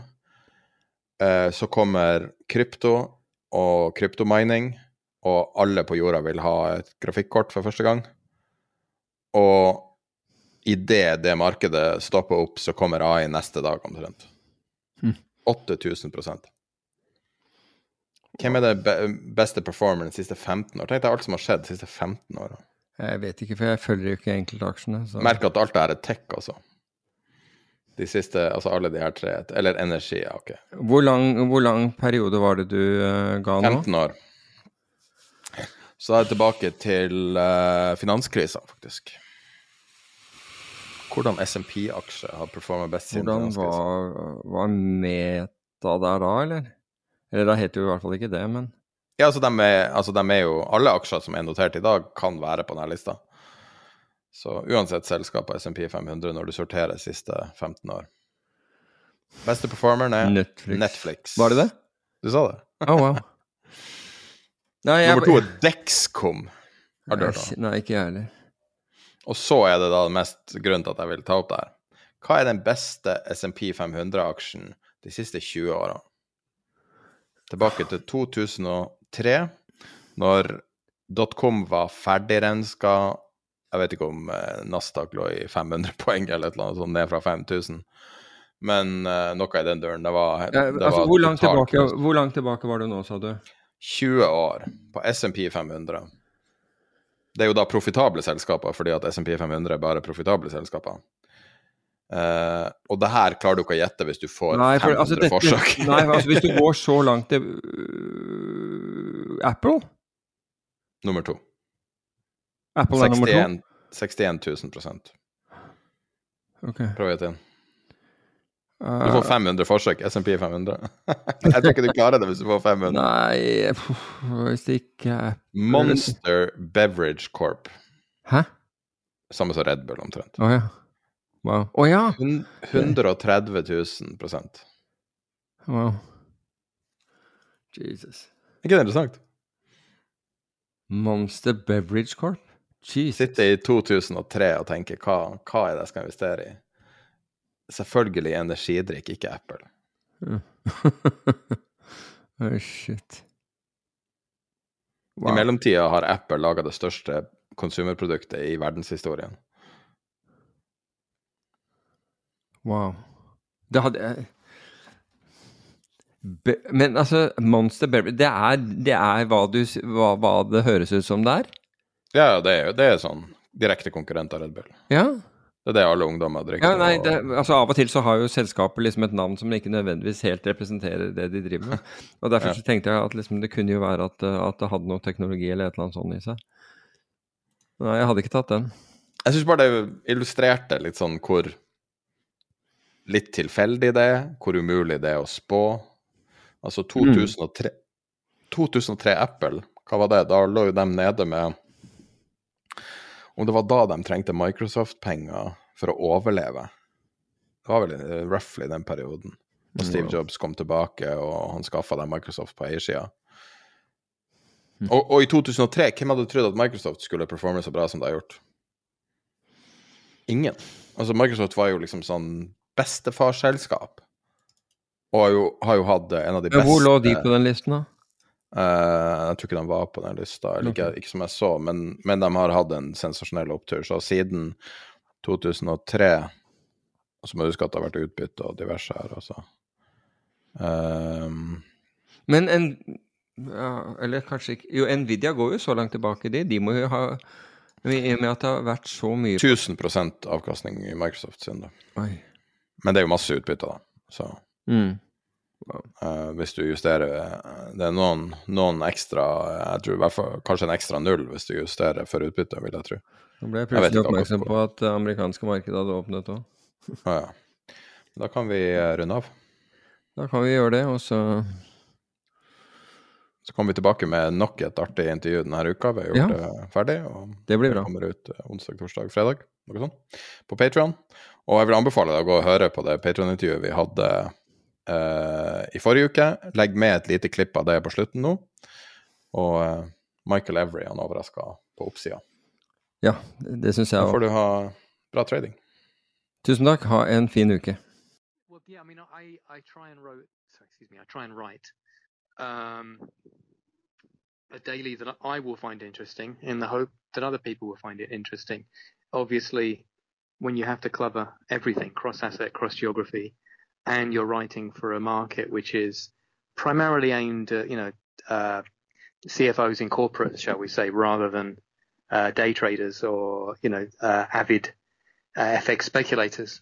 Um, I'm particularly not aimed at, you know, crypto or gold types, for example, even though they they do a lot of the reading of it. Um, you have to you have to uh, paint with a broad brush, and I try and do that. But I I try and make the honesty and the and the reductive or almost didactic element of it one of its selling points. So rather than just listening through headlines, which I often have to do, I try and say this is what I think the underlying big picture is, or this is the message you should be picking up from that. Um, and this is what I think you need to be taking away from it. Um, I don't think a great deal of financial markets research does that. as, you, as you were just saying, I've been in the industry for 25 years, and there are certainly voices who have that approach, but they tend to be quite niche or extremely well known, one or the other. Uh, I guess maybe I'm halfway between the two. flattering myself slightly. Um, but I do think that we need to confront the underlying reality around us. If all of us, whether that is a corporate client, whether it's an institutional client, whether it's a retail client, all of them, uh, if they fail to recognize that, then there are serious consequences, you know, in terms of business, investment strategies, and even personal financial well-being. Um, so I'll, I'll, keep doing that as long as the market lets me. It, it's quite irritating when you read. For instance, I, am trying to. Uh, one of your competitors um, has made a fairly dramatical shift in their communication to clients, which is Goldman Sachs, mm-hmm. and they're incredibly bullish right now, mm-hmm. which I find a little bit odd. Like there's something behind this. Can you talk about the dynamics of writing these? Because effectively, you're just writing a short paper. It's almost like an email. It's it's quite casual. You can pretty much write about anything, I, I gather. But what is the pressures you face to tell the story because your bank is like every other bank, of course, where um, you have a product to sell, you're in the market. Are you so diversified that you that you're able to be more free, or is it like what are the powers that guide you? It's kind of a... that's a very very good question. Let me frame it like this if you read my note regularly, or the, the Global Daily, which is written by other people too, I, I, write it three days a week now. It used to be five for many years. Now it's three um, to give me time to do other things. You will see a single message coming through repeatedly, which is a repeat of Polanyi's argument from the Great Transformation from nearly 100 years ago. Uh, and that's the theory known as embeddedness, which is that markets operate in a political and social construct. So if you change the politics, you change society, you change the market. And that should be absolutely self-evident, as I've repeated, I've repeatedly written many times. Um, how much trading was done on a Saturday or Sunday last week? And the answer is always zero from people who argue that markets are absolutely sacrosanct. It's like, well, why wasn't there any trading on Saturday or Sunday? Because there's no trading. We shut down for the weekend. Who said we shut down for the weekend? Well, we all kind of collectively decided it as a society. So that argument runs through the document, and it would be ironic and hypocritical in the extreme if, as an author who's written that non-stop for most of his career, nearly 25 years now, I didn't recognize that there isn't an element of that internally as well, that each institution obviously has its own organizational structures and its own pressures. Um, that said, there is an ability within the, the, the Rabobank Global Daily, um, an ability to address difficult topics because Rabobank as an institution is uh, client centric, but also fully recognizing the fact that we live in a changing world uh, and that we need to do the right thing by ourselves and by our clients. And a lot of that involves being as honest as we can be about the challenges in front of us. Um, but I also think being realistic part of it is due to the fact that we're not a Goldman Sachs. You know, if you're a institutionally, systemically important bank like Goldman's, obviously you want to make money. That's what everyone in markets wants to try and do. But there's a very, very overtly political role that you play in every single trade you, you take because of your size. Now, you know, we're a very large bank in the Netherlands and we have a very significant footprint within um, the global food and agri trade, which we're extremely proud of. And that's a large part of what I do is trying to get across to real corporate clients in the food and agri space that the financial markets w- with which they have to interface day in, day out in terms of exchange rate hedging, for example, or interest rate hedging, is a very volatile place that isn't always their friend. While they're out there in the fields, quite literally trying to grow the food so that we all eat, uh, markets can be playing very, very silly games. And so they have to be able to navigate through that minefield. But because we are not first and foremost major global players in that minefield, we're first and foremost about real physical supply chains for real physical food commodities, farm to fork. I think that gives uh, the Global Daily and myself that extra wiggle room to be able to confront some of the conflating and confounding issues around us rather than just giving rather asinine, dull, uh, or self-serving bullet points, which, as I'm sure you know, you're very aware from your earlier comments, are almost ubiquitous within financial markets research. It's very interesting. I, I did not know. Uh, I had to go to your Wikipedia now and see about the, the agricultural roots. That kind of grounds you in a way, the way you you talked about it because for most people when you think of a company like Rab- Rabobank you think like the, the, the cycling team and you, you you don't really know like how it works. And you you I am drawn to to good voices and there are, there are surprising voices in in smaller and I I use that in inverted commas uh, small smaller banks because uh, all of you the, the banks are, are very big. But is there something in the in the Dutch roots because the Dutch are quite a direct people that sort of uh, ch yeah. cherishes this? Because I, I feel like Rabobank stands out on research globally. Yeah, I, I like to think we do. Uh, I like to think I play a, a, role in that alongside a talented team. Um, yeah, the, the, Dutch as a nationality, and I, am not Dutch, by the way. Anyone listening can probably hear that. I'm English, uh, although I haven't lived in England for most of my adult life. You have such a good name, by the way. It sounds like oh. a superhero, like uh, a superhero, like uh, Michael Every. It sounds like like it's almost like ludicrously everyman. well, thank you. I mean, maybe I'm trying to live up that live up to that without realizing it at a subconscious psychological yeah. level. And you have no idea how many twistings of that surname I've heard and misspellings and mispronunciations. You know, growing up, I won't I won't go down the list, but some of them are a bit rude. But um, anyway, um, yeah, the Dutch are um, a polite um, but pretty direct people, and you know, regularly we'll be having team discussions. And I'm a pretty passionate believer in my views, although I'm fully able to pivot and change them. I, I, don't, you know, stick to them endlessly. When facts change, I change my mind. But I will argue, you know, strongly for a point I believe, even if it's pretty wild. Like, for example, um, the beginning of last year, I published a paper in January 2022 saying Russia would invade Ukraine. And now I couldn't word it 100% like that because what date was it? Will happen. I believe it was one month before the invasion. And wow. the wording that we had to Nobody use Nobody called called for that then. we did. We did. Um, and you know, and my, you know, my I think I remember that now that you mention it. Well, I mean, the, the upside of that was when it happened, that terrible event happened. You know, obviously our report was the first report on the desk of the Dutch Prime Minister the second that they found out about it, because everyone else was really? scrambling. Yeah, um, and you know that's that's something that's good to, to to know happens in a bad situation. But my Dutch colleagues were prepared to, you know, let me take that that stance. I mean, obviously, we didn't say there will be an invasion because that's not how anyone words anything. You know, from a legalistic sense, you always have to use certain phraseology, um, you know, to suggest that something will, to suggest something is far more likely to happen than people are currently believing, and that's how we phrased it. You know, don't don't rule this out. Don't take a position in the market saying you think this is nothing because it'll be very expensive if you do, and that was absolutely the correct position to take. Um, but the Dutch backed me up on that completely around me because they could see, yeah, this is a shocking call to make, absolutely, given what it implied globally. But they said, look, you know, you've, you've done the work on this, you've done the research, you've lived in Russia in your youth, which I have, you speak some Russian, which I do, you know, you've reached out to Russians rather than just writing this in a vacuum. You're making a comprehensive argument and you're at least stressing it as a risk point, a fat tail risk point.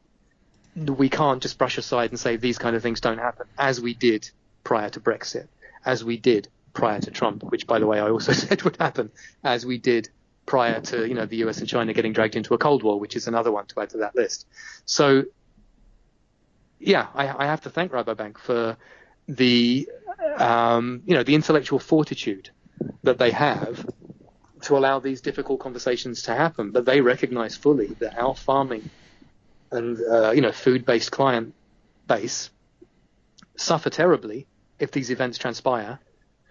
And we have done our best to try and say there's a greater probability of that happening than other banks are telling you because they just don't see the world with anything other than neoliberal financialized lenses. And, and we are, as you said, much more grounded.